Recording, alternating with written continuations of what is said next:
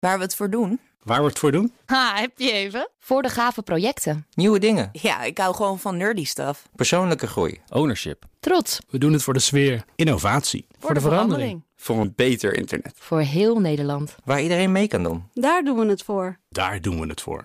Waar doe jij het voor? Kom werken voor KPN en groei op jouw manier. Check de actuele vacatures op het gebied van data, security, development en networking op jobs.kpn.com/tech. Wetenschap vandaag.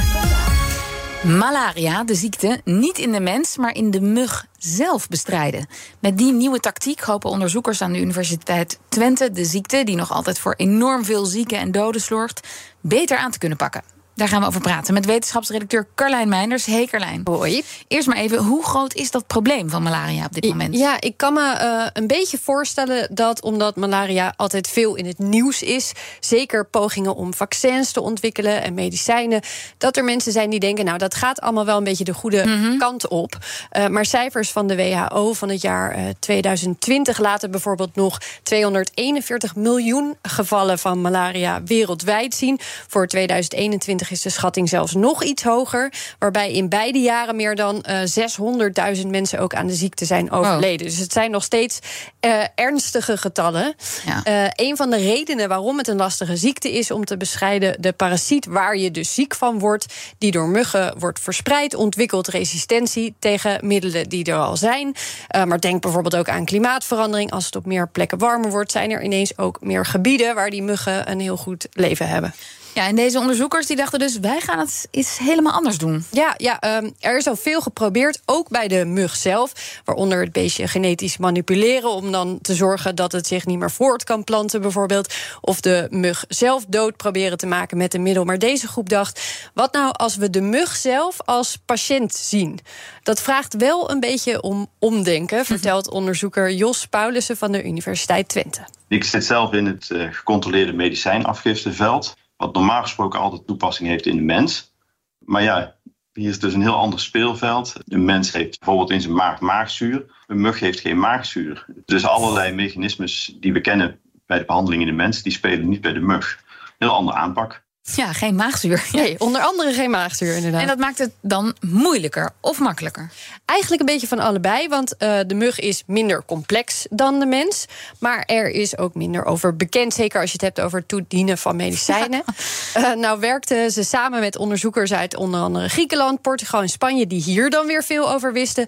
Want het idee was dus uh, de parasiet aanpakken in de mug. maar dan moet je wel weten, hoe moet je dat dan het handigst aanpakken? De parasiet die gaat door, ik weet niet hoeveel stadia, volgens mij iets van een stuk of 4, 5 in de mug en ook een stuk of 4, 5, 6 in de mens. In die stadia zitten dan weer verschillende hoeveelheden van die parasiet. Dus um, soms dan zijn het er in de mug bijvoorbeeld 10.000, 20.000.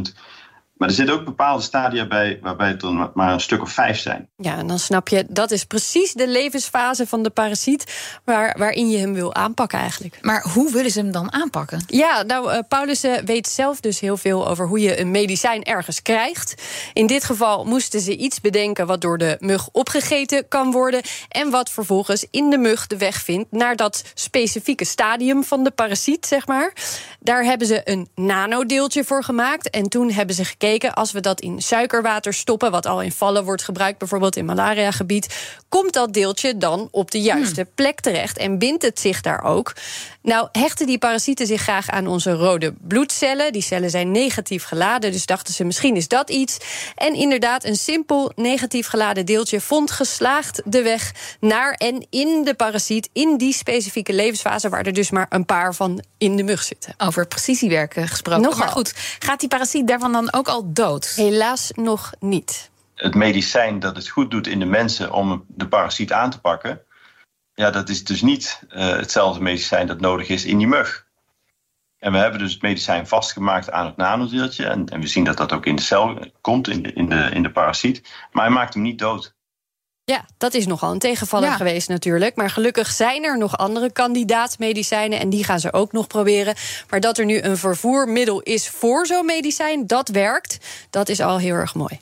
En moeten we ons nog zorgen maken over die nanodeeltjes? Dat ze ook in ons bloed terecht kunnen komen via die muggen? Um, nou, wat ze nu zagen is dat die nanodeeltjes niet teruggevonden werden, bijvoorbeeld in de speekselklieren van de mug. Dus dat suggereert dat het niet weer via een steek bijvoorbeeld terug in een mens kan gaan, hmm. of überhaupt in een mens kan komen. En het gaat om eenvoudige gelachtige wateroplosbare deeltjes die je een beetje kunt vergelijken met bindstofjes die je ook vindt in tandpasta en iets als uh, gelatine, um, waarvan wordt verwacht dat het in kleine hoeveelheden niet uh, toxisch voor ons zou zijn. En kan zo'n vervoermiddel voor medicijnen niet ook gewoon in mensen worden gebruikt? Ja, dat is niet geheel toevallig. Uh, ook iets waar ze aan werken binnen deze groep, bijvoorbeeld binnen kankeronderzoek. Um, uh, daarvoor geldt ook, ze zijn bezig met dat vervoermiddel, dus niet het medicijn zelf, maar hoe krijg je het ergens in het lichaam dan? Um, en uh, hoe maak je ook dat medicijn dan weer vast aan dat hm. vervoermiddeltje? Want dat is ook heel belangrijk. Nou, weet je hiervan wel zeker, dit gaat een menselijk lichaam in. Dan moet het echt 100% veilig zijn. Daarbij verwacht Paulus niet veel problemen op het gebied van giftigheid van de gebruikte moleculen, maar wel in iets anders waar nu binnen de nanotechnologie steeds tegen aangelopen wordt: de omvang. Het is niet de, de samenstelling van het deeltje, maar het is juist puur die grootte die soms heel aparte effecten heeft. Bijvoorbeeld een ophoping in bepaalde plekken uh, in het lichaam die niet wenselijk zijn, in de lever of in de hersenen. Dus daar zit een grote uitdaging voor de komende tijd. Uh, uitzoeken welke grootte van zo'n nanodeeltje dan precies goed is en veilig is. Um, voor de mens is dat het belangrijkst, maar in de mug willen we gewoon dat het een einde maakt aan die parasieten. Dankjewel, Carlijn Meinders. Wetenschap vandaag is mede mogelijk gemaakt door Brightlands. Knowledge Crossing Borders. Bij BNR ben je altijd als eerste op de hoogte van het laatste nieuws. Luister dagelijks live via internet. Bas van Werven. En heel langzaam komt de zon op rond dit tijdstip. Je krijgt inzicht in de dag die komt op BNR, het Binnenhof in Nederland en de rest van de wereld. De Ochtendspits. Voor de beste start van je werkdag. Blijf scherp en mis niets.